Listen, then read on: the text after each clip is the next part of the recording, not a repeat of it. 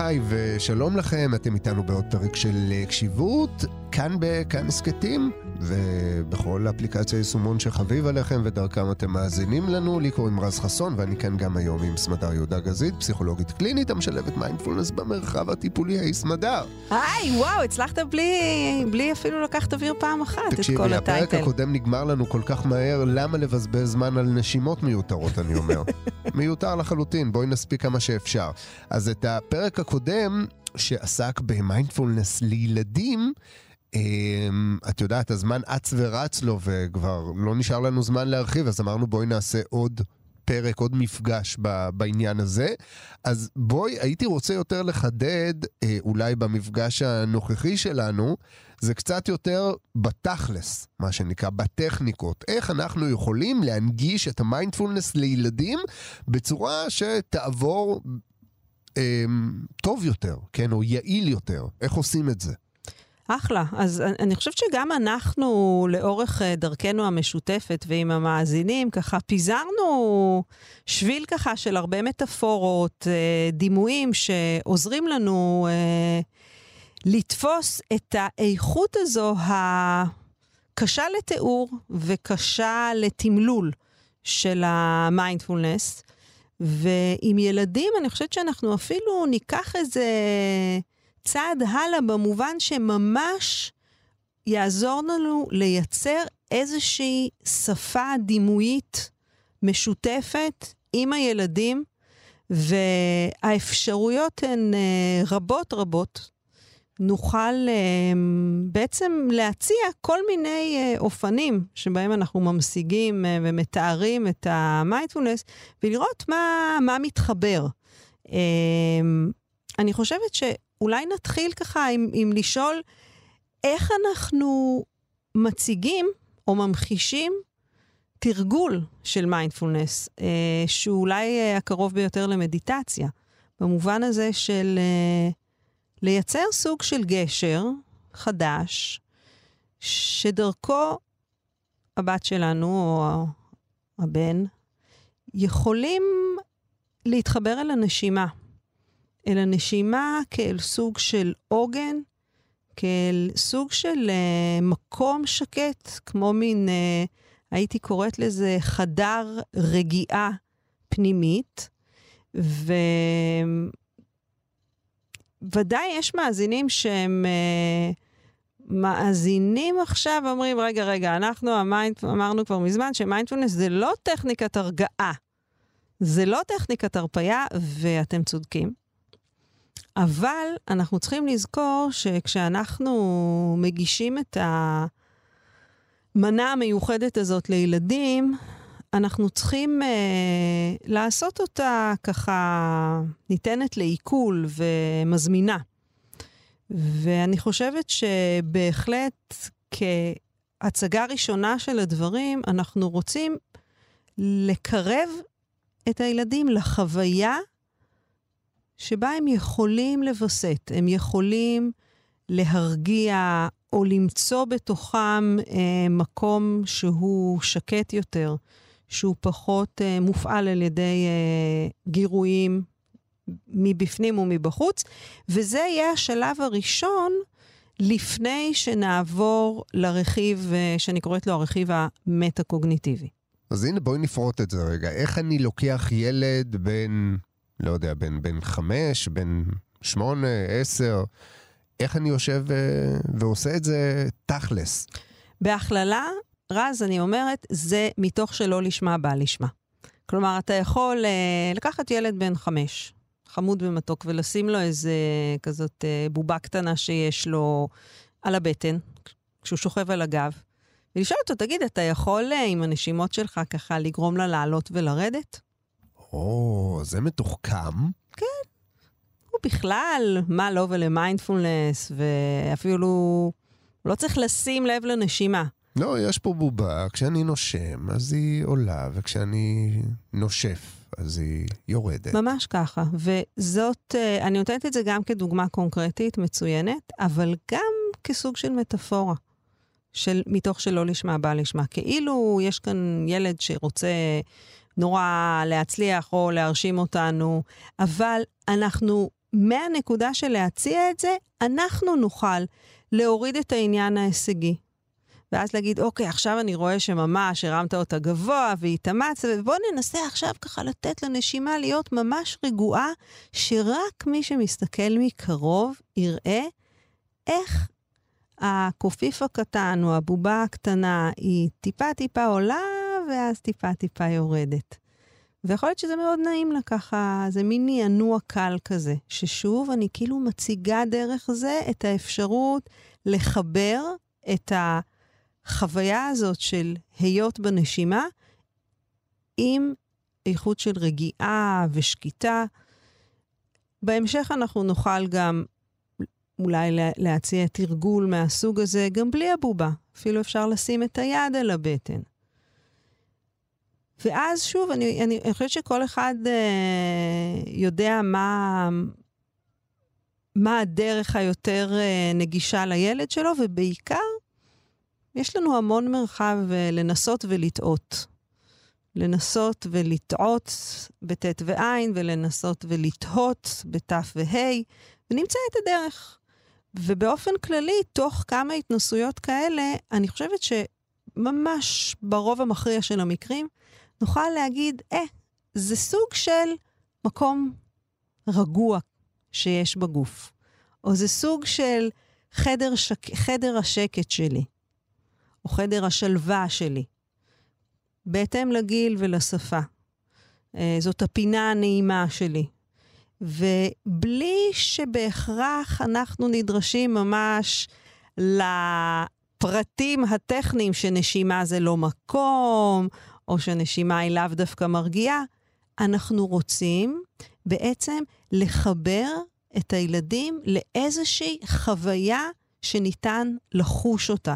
באנגלית מדברים על felt experience, חוויה נחווית, חוויה מוחשת.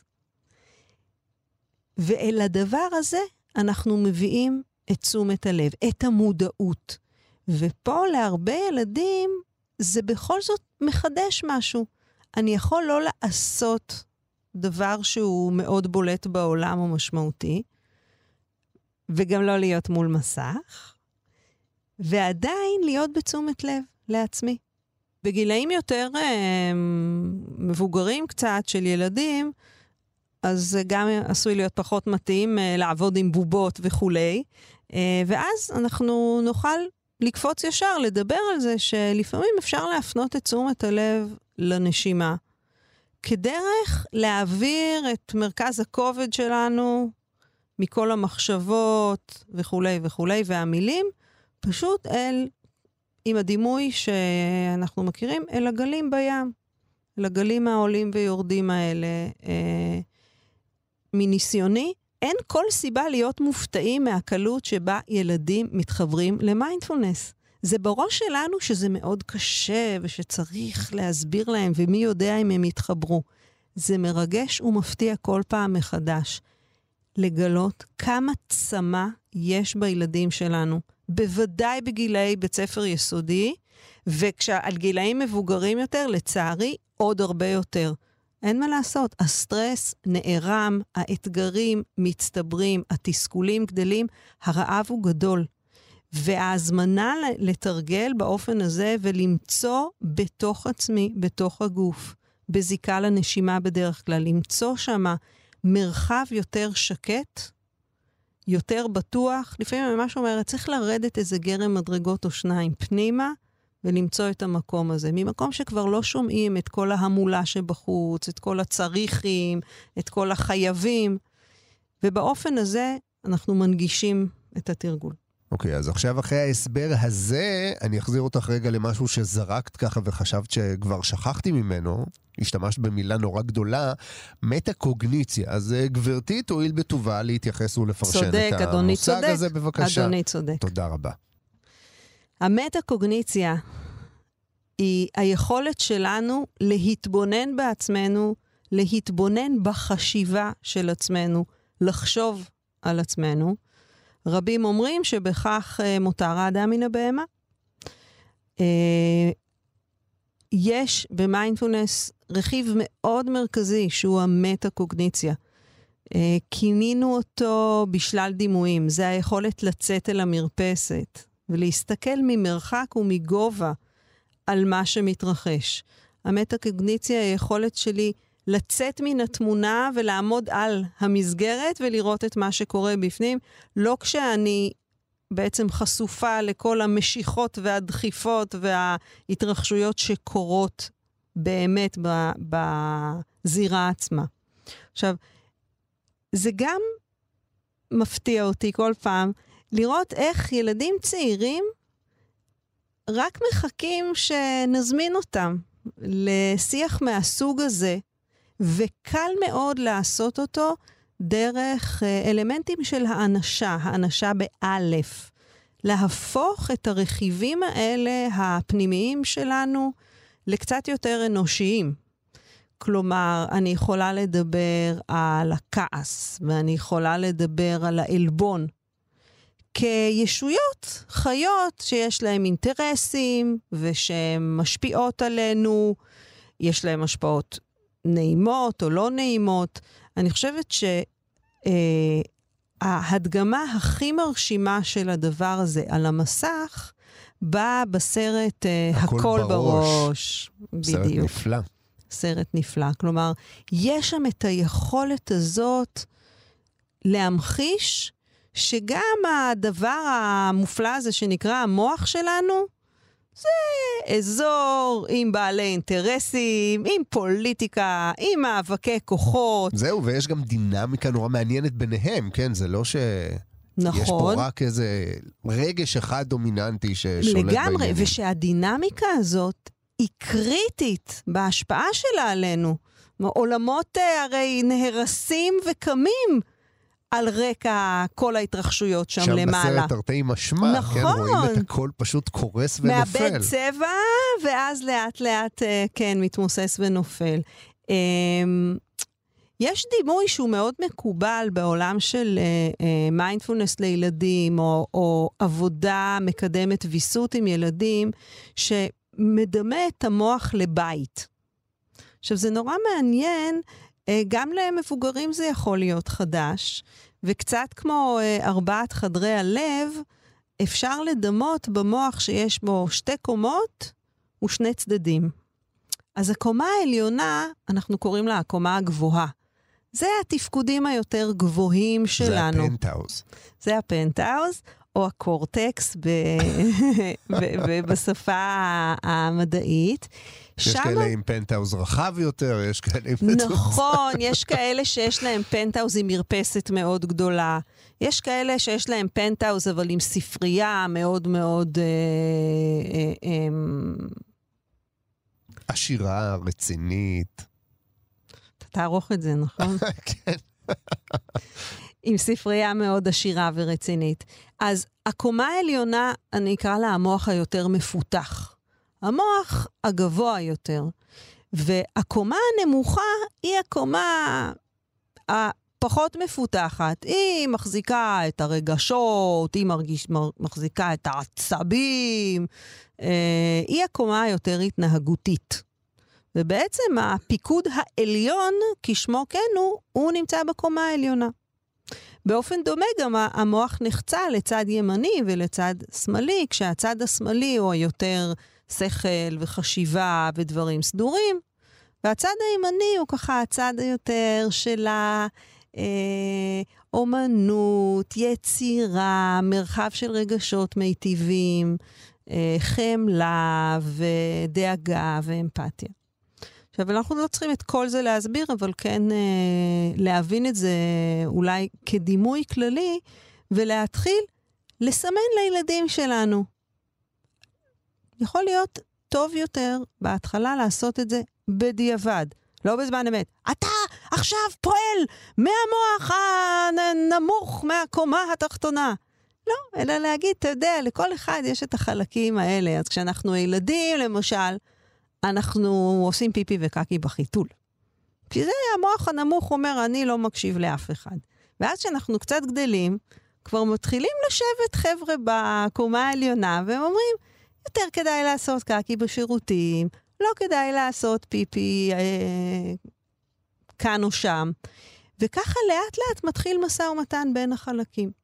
אז כשאנחנו מדמים את, ה, את הבית למוח, אנחנו יוצרים את הבסיס אחרי זה לדבר על האורחים השונים שיש בתוך המוח הזה. Uh, למשל, יש את כעס. כעס הוא אורח שהרבה הרבה ילדים פוגשים אותו. המון ילדים פוגשים אותו. וגם מבוגרים, אבל זה סוד. אה, זה כמובן, ודאי, מה זאת אומרת? ואמרנו את זה כבר בפרק הקודם, ואני ארחיב לגבי זה עכשיו.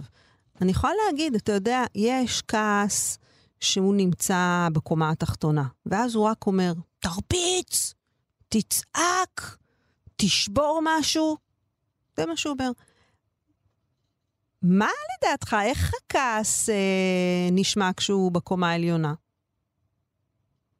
עכשיו, יכול להיות, זו שאלה מאוד מופשטת, אבל אני אמשיך לשם. אני אגיד, את יודעת, כש, כשהכעס נמצא, אז גם יש אה, אה, את כל מה שקורה בקומה התחתונה, ובקומה העליונה יש גם מישהו שמסביר לי למה זה לא בסדר, שעשו לי ככה. אבל יש גם מישהו שיכול להגיד, את כועסת עכשיו, ובואי תחליטי כרגע לדבר על זה עם מישהו, לפני שאת עונה, או מרביצה, או עושה ברוגז. זאת תחילת הדרך לבעצם מבט מטה-קוגניטיבי, שבו אני מזהה את ההתרחשויות שבתוכי, ואני לא רק מנוהלת על ידן. ככל שאני מטפטפת מהשפה הזו פנימה, כך גדלה האפשרות שלי לחזק את מנגנוני ההתמודדות של בתי או של הילדה שאני עוזרת לה, ולא רק עם כעס, למשל עם חרדה. יש מצבים שאני רק רואה שהילדה כל פעם בורחת כשיש אה, איזושהי תחרות, או משחק והיא מפסידה. היא רואה שהיא הולכת להפסיד, היא בורחת. אם אני ארצה להתקרב ולהתחיל לגשש באזור, לא דרך החקירה הבוטה, למה את הולכת? כשאנחנו מתחילים אה, לחקור את הילדים שלנו באופן הזה, אני ארשה לעצמי להשתמש פה בדוגמה, אנחנו פונים אל החלק השמאלי של המוח.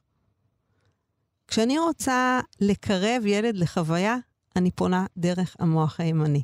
אני מלטפת, אני מחייכת, אני משדרת שזה בסדר. האפשרות הזאת היא לפגוש את הילדים ממקום שאנחנו קודם כל אומרים, זה בסדר גמור, זה אנושי. היא מתחילה במיינדפולנס שלנו. אנחנו צריכים לפנות לזה מקום. כשאני מתחילה וניגשת מהמקום הזה, אני יכולה להגיד, וואו, ראיתי שממש לא רצית להיות שם. כן, נכון, זה... מה, מה הרגשת? ממש הרגשת שאת רוצה לקום וללכת? ממש ממש ככה?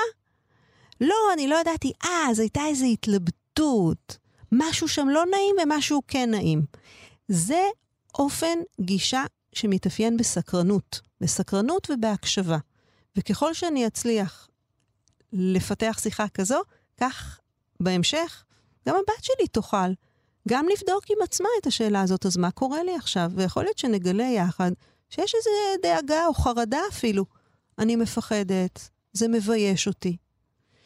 ואז יש לנו בסיס הרבה יותר רחב לעבודה ממוקדת, שגם מנרמלת את קיומה של החרדה, וגם לומדת להכיר מה היא אומרת לי החרדה. נגיד, אני אלמד שכשאני מפחדת, אז יש לי קול פנימי שהוא מבקר בבית הזה של המוח, והוא אומר, את בטוח לא תצליחי. בטוח יצחקו עלייך.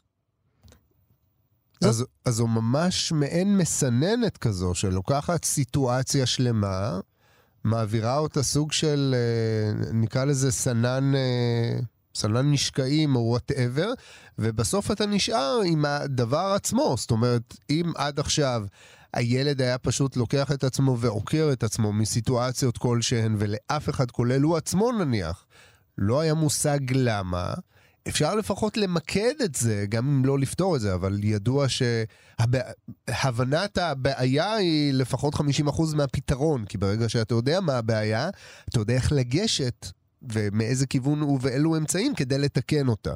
אז כאן אנחנו באמת יכולים לזקק יחד איתו את האתגר, את הדבר, נקרא לזה, הגרעין הקושי. קודם כל, אני עפה על הדימוי של המסננת, תודה רבה, לקחתי. בבקשה, אני תמיד כאן כדי... ואני חושבת שהדימוי שלך הוא מדויק ונכון, אבל אני לא יכולה להגזים בלהדגיש שמה שהופך את זה ממקשה אה, למיטיב, זה האופן שאנחנו עושים את זה. אם אני באה כהורה, והמטרה שלי היא להפסיק את ההתנהגות הבלתי נסבלת הזו, שהוא לא, לא נשמר עם חברים, לא יעזור כל מה שאמרתי. עדיף לא לנסות בכלל. זה רק מחריף את ההתכנסות, את ההסתגרות וההימנעות שיש לרובנו מול מצבים לא נעימים. לעומת זאת, אם אני יכולה לבוא, וקצת כמו שאני לפעמים מנחה אותנו בתרגול, ואני אומרת, ניתן לדברים להיות כפי שהם, מוותרים על כל הניסיונות לשנות אותם. האם אני יכולה לבוא לבת שלי עם הידיעה שמטרידה אותי כהורה, שהיא נמנעת מסיטואציות חברתיות מסוימות, אבל אני באה ואני רוצה להבין איתה מה קורה, כי באמת זה מסקרן אותי. אין לי ספק, ואת זה אני אומרת גם כהורה ובעיקר כפסיכולוגית, מבחינת האפקט, האפקט יהיה הרבה יותר מיטיב. וגם הוא מניח תשתית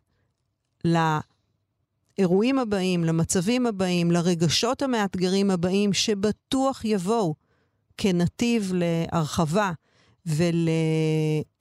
ולדרגות חופש רבות יותר בתוך הסיטואציות המאתגרות. כן, וגם מונע כמובן את ההתבססות במקום הזה, כי אם יש איזשהו...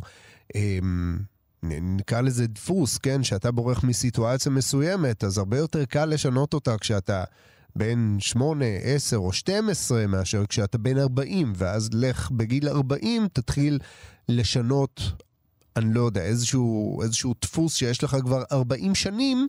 להימנע מסיטואציות כלשהן. כמה ו... נכון, כמה נכון, ואני רוצה עוד שני, אה, שני עניינים קטנים להוסיף כאן, אה, שהם יוצרים את.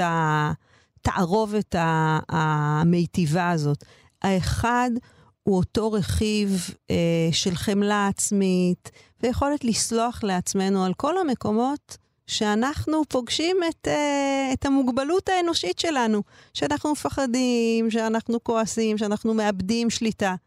נורא חשוב כשאנחנו פונים מהעמדה הזו המקשיבה והחוקרת במובן הטוב, המסתקרנת, המתעניינת, להביט על הדברים האלה בעין טובה.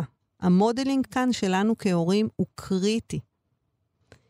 ודבר שני, לזכור ולהזכיר את ההשתנות, את החלופיות של הדברים.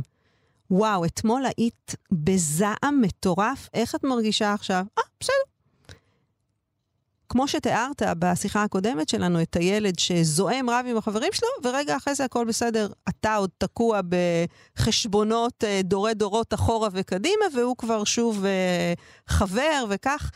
אני חושבת שחשוב להזכיר בזמן אמת לילדים שלנו, שרגש זה אירוע מאוד דרמטי ומאוד קצר בדרך כלל, אם אנחנו מסכימים לתת לו לחלוף. אז זהו, אני בעיקר רגוע עכשיו מזה שאני מבין מהדברים שלך שאני לא היחיד, שיש לי פנקסים בבית עם שמות כל הילדים ששיחקו איתו.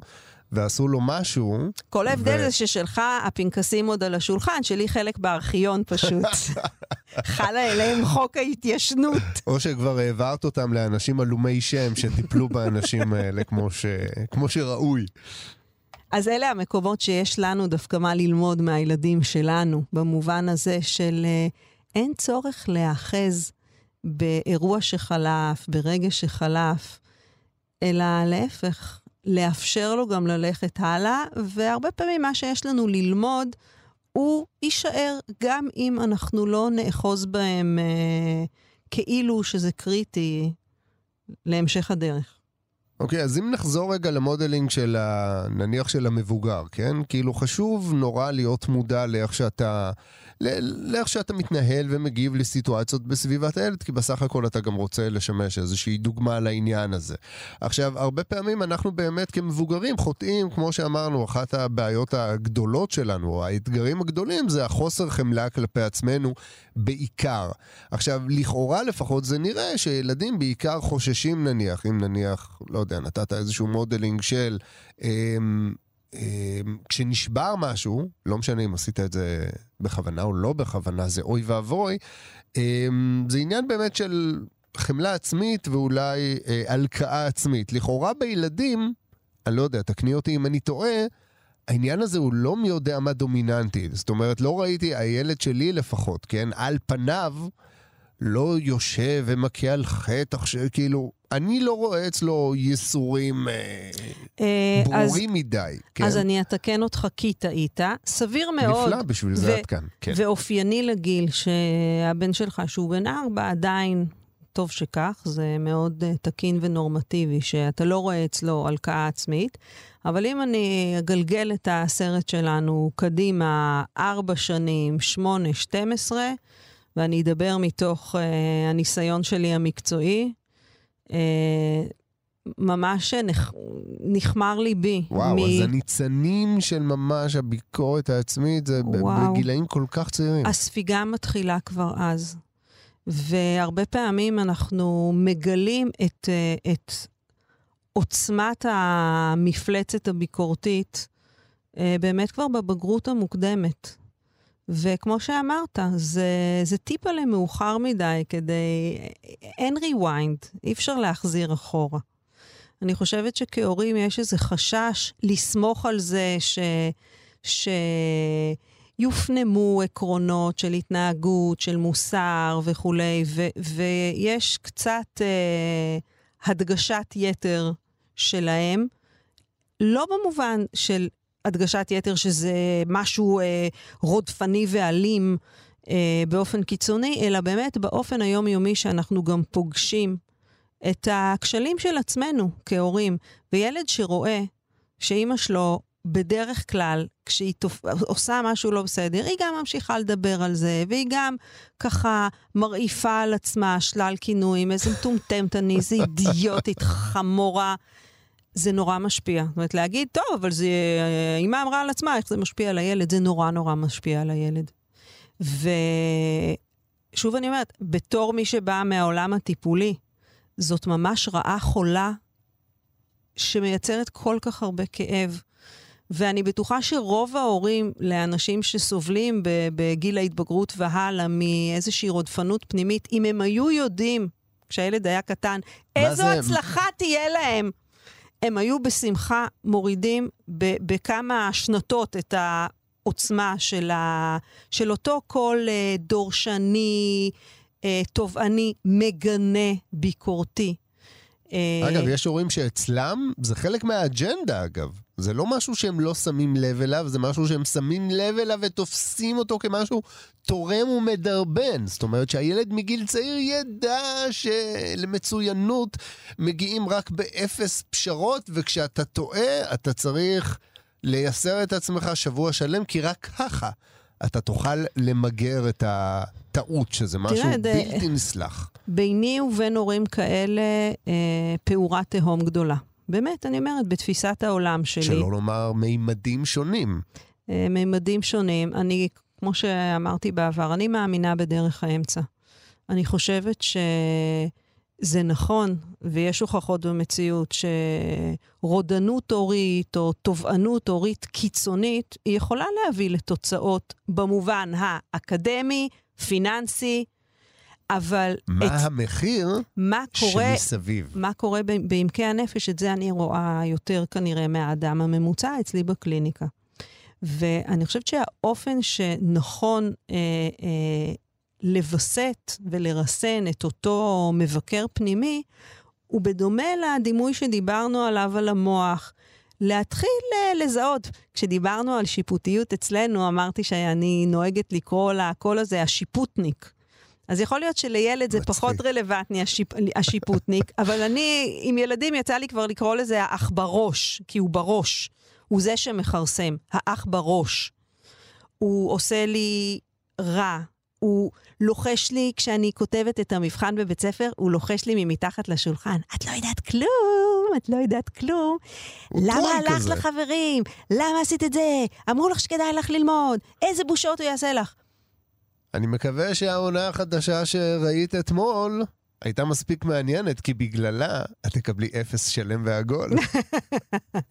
אז אתה יודע, היכולת לשים שם לקול הפנימי הזה, האח בראש, המבקר שמבקר, היא מאוד מאוד חשובה.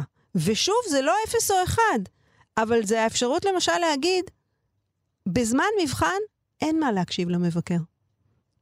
את באמת חושבת ככה? מצוין. תרשמי לך את זה על פתק, למבחן הבא תתנהלי אחרת. עכשיו זה לא יעזור. בלי מטה-קוגניציה, בלי אותו מבט על מה שקורה וזיהוי כמה איכויות שליליות זה מכניס, חרדה וחוסר ביטחון וגינוי עצמי וקושי ליהנות, בלי שנוכל לזהות את כל אלה, יהיה קשה לשנות. בעולמות השידור קוראים לזה פוסט. פוסט. כן, את יודעת, עכשיו אחרי. זה השידור, עשינו טעות, לא עשינו טעות, בואו נדבר על זה אחרי השידור. אנחנו מזמינים את המאזינים שלנו לקחת את מה שמתאים להם לפוסט. לגמרי. לאחרי שהם האזינו. אגב, פוסט זה גם לא דבר רע, פוסט כאילו באמת יושבים, ובצורה מושכלת, לפעמים פוסטים אגב הופכים להיות משהו נורא, באופן יחסי, כן, נורא טעון, נורא זה, אבל מקשיבים להכל, ובעיקר מפיקים לקחים ומסקנות, שזה השלב הכי חשוב מהפוסט, לשם כך יש פוסט, כדי אני- שמה שעולה בפוסט יילמד ולא יקרה שוב. אז אני מסכימה, אני רק מזכירה, בואו נעשה את הפוסט עם מקום של כבוד גם לחלק הימני של המוח. לרוך ולהומור ולהבנה שאנחנו מועדים לפספס ולהיכשל ושיהיו לנו גליצ'ים, והכל בסדר. נעבור לתרגול.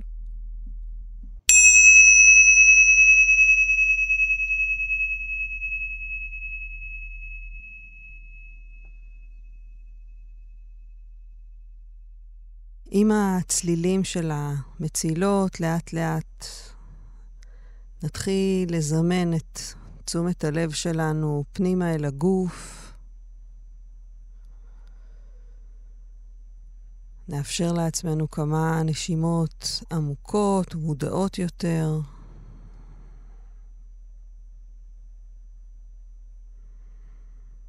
נבחין אולי באזורים בגוף שיש בהם יותר מתח או דריכות כעת, ובעזרת הנשיפות נאפשר למתח הזה בהדרגה ככל האפשר להיפרק, להתמוסס.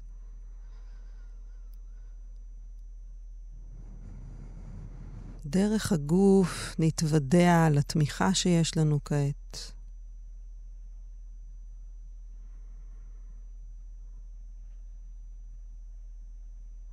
ניתן לגוף להתמסר לתמיכה הזאת, אולי מ... מכפות הרגליים הנתמכות על ידי האדמה, אזור האגן והישבן, שנתמכים על ידי המושב.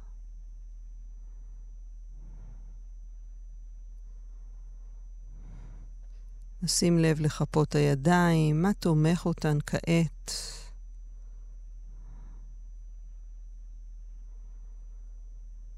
עם הנשיפות הבאות נרפה את הגב כולו.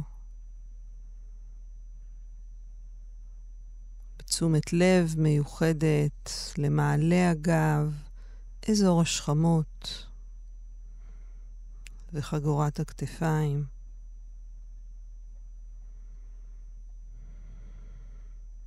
נרפה את מפרקי הלסתות, שרירי הפנים.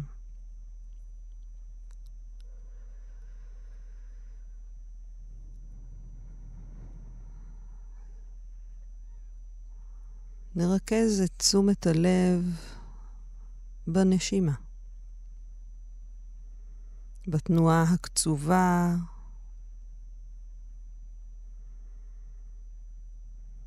בהתרחבות של אזור הבטן ובית החזה, ובשקיעה שלהם חזרה עם הנשיפה.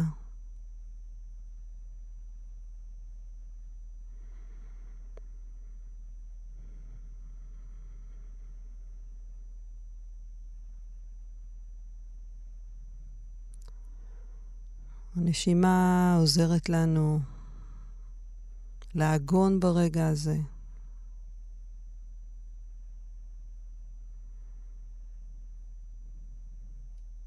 תחושות הגוף מבטיחות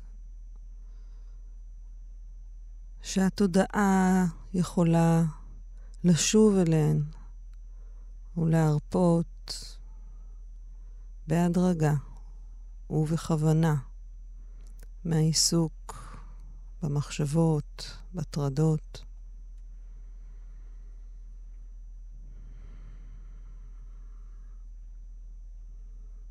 עכשיו ובגוף.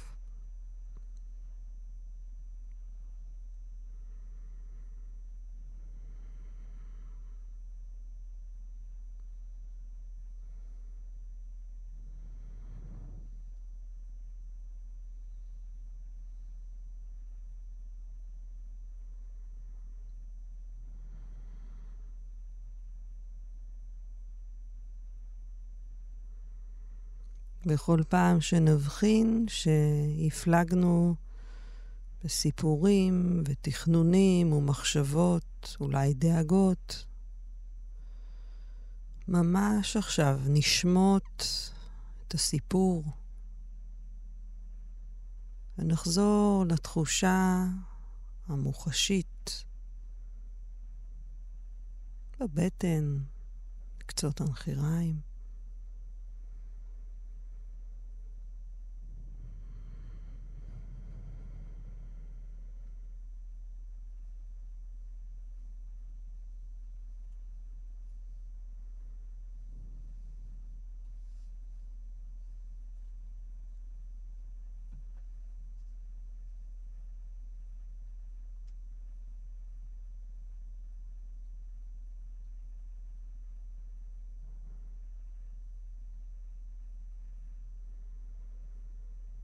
איפה תשומת הלב שלי עכשיו?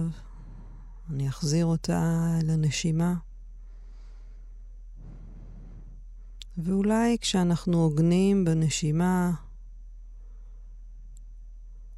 נוכל למצוא שם פרספקטיבה רחבה יותר, שמתוכה המחשבות הן עננים חולפים בשמיים. כשאנחנו הוגנים בנשימה, ננסה להביט מתוך פרספקטיבה רחבה יותר, כזו שממנה מחשבה היא רק מחשבה, כמו ענן בתודעה שחולף, ובהדרגה גם מתפוגג. כך גם דאגה, גם כעס. אירועים שחולפים ומתרחשים בשמי התודעה. וכשאנחנו הוגנים בגוף, נוכחים בנשימה, יש לנו אפשרות להתבונן בהם. כאילו אנחנו עומדים במרפסת ו... צופים במה שמתרחש.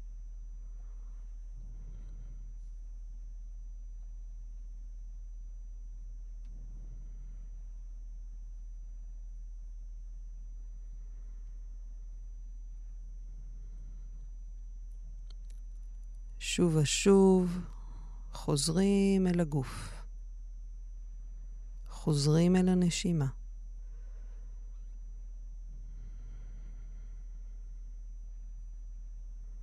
וכשאנחנו מבחינים שנדדנו, ביד רכה מלווים את עצמנו חזרה אל דרך המלך של הנשימה.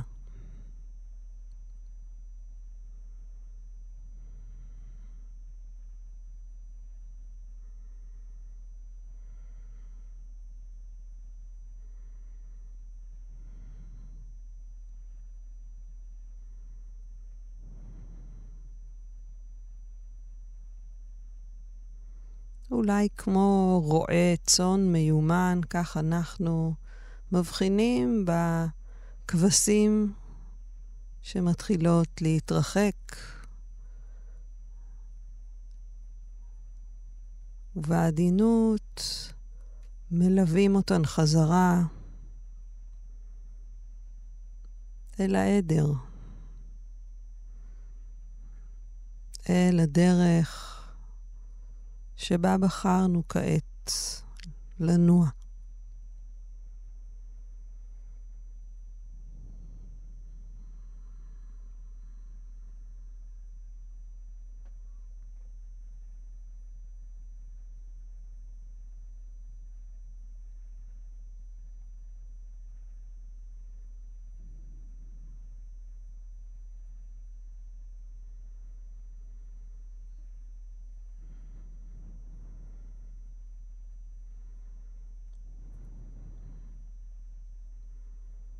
נרפה מן המחשבות, נבחר מחדש לשהות עם הנשימה.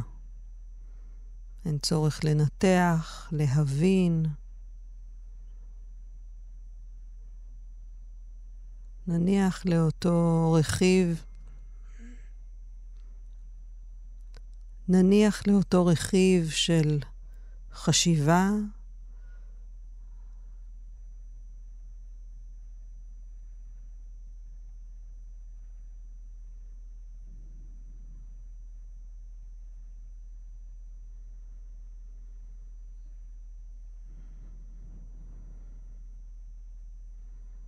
נרפה מאותו... אחרת. נניח לאיכות החושבת, המנתחת, נאפשר לעצמנו להיות פשוט בנוכחות מודעת. ככה זה עכשיו. לא מנסים לשנות את מה שישנו, לא לסלק, לא להעצים. פשוט להתבונן. ככה זה עכשיו.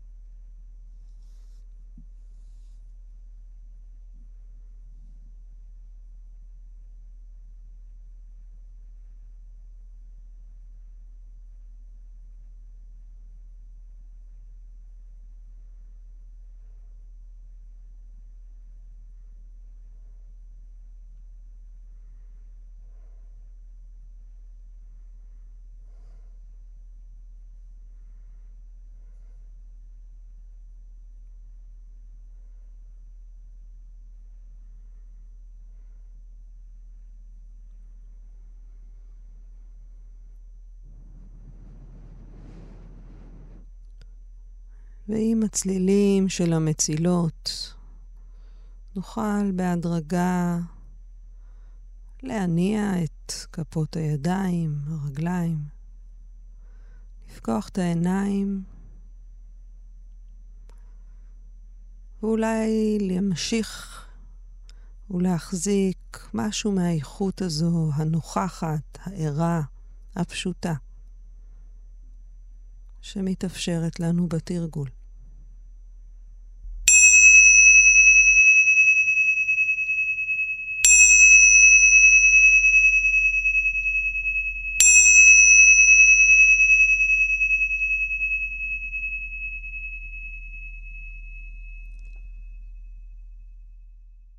תודה רבה לך שוב. תודה גם לך, רז. תודה רבה גם לכם שהאזנתם לנו אה, גם לתוכנית הזו, ואם אתם ממש אה, רוצים, אה, פשוט כנסו לכותר שלנו בכאן הסכתים, או בכל אפליקציה יישומון הסכתים שחביב עליכם, קשיבות, תוכלו להאזין לכל... הפרקים החדשים בעונה הנוכחית. אנחנו גם זמינים בעמוד ההסכתים שלנו, בכתובת www.kan.org.il/פודקאסט, ושוב אנחנו חוזרים ומזכירים לכם שאם נוהגים לא מודדים, בשביל זה יש את אחר כך, אוקיי? לא לתרגל אותנו בזמן, בזמן נהיגה. לי קוראים רז חסון, אנחנו נשתמע כאן בתוכנית הבאה. עד אז תרגישו טוב, תהיו במיינדפולנס, ולהתראות. thank you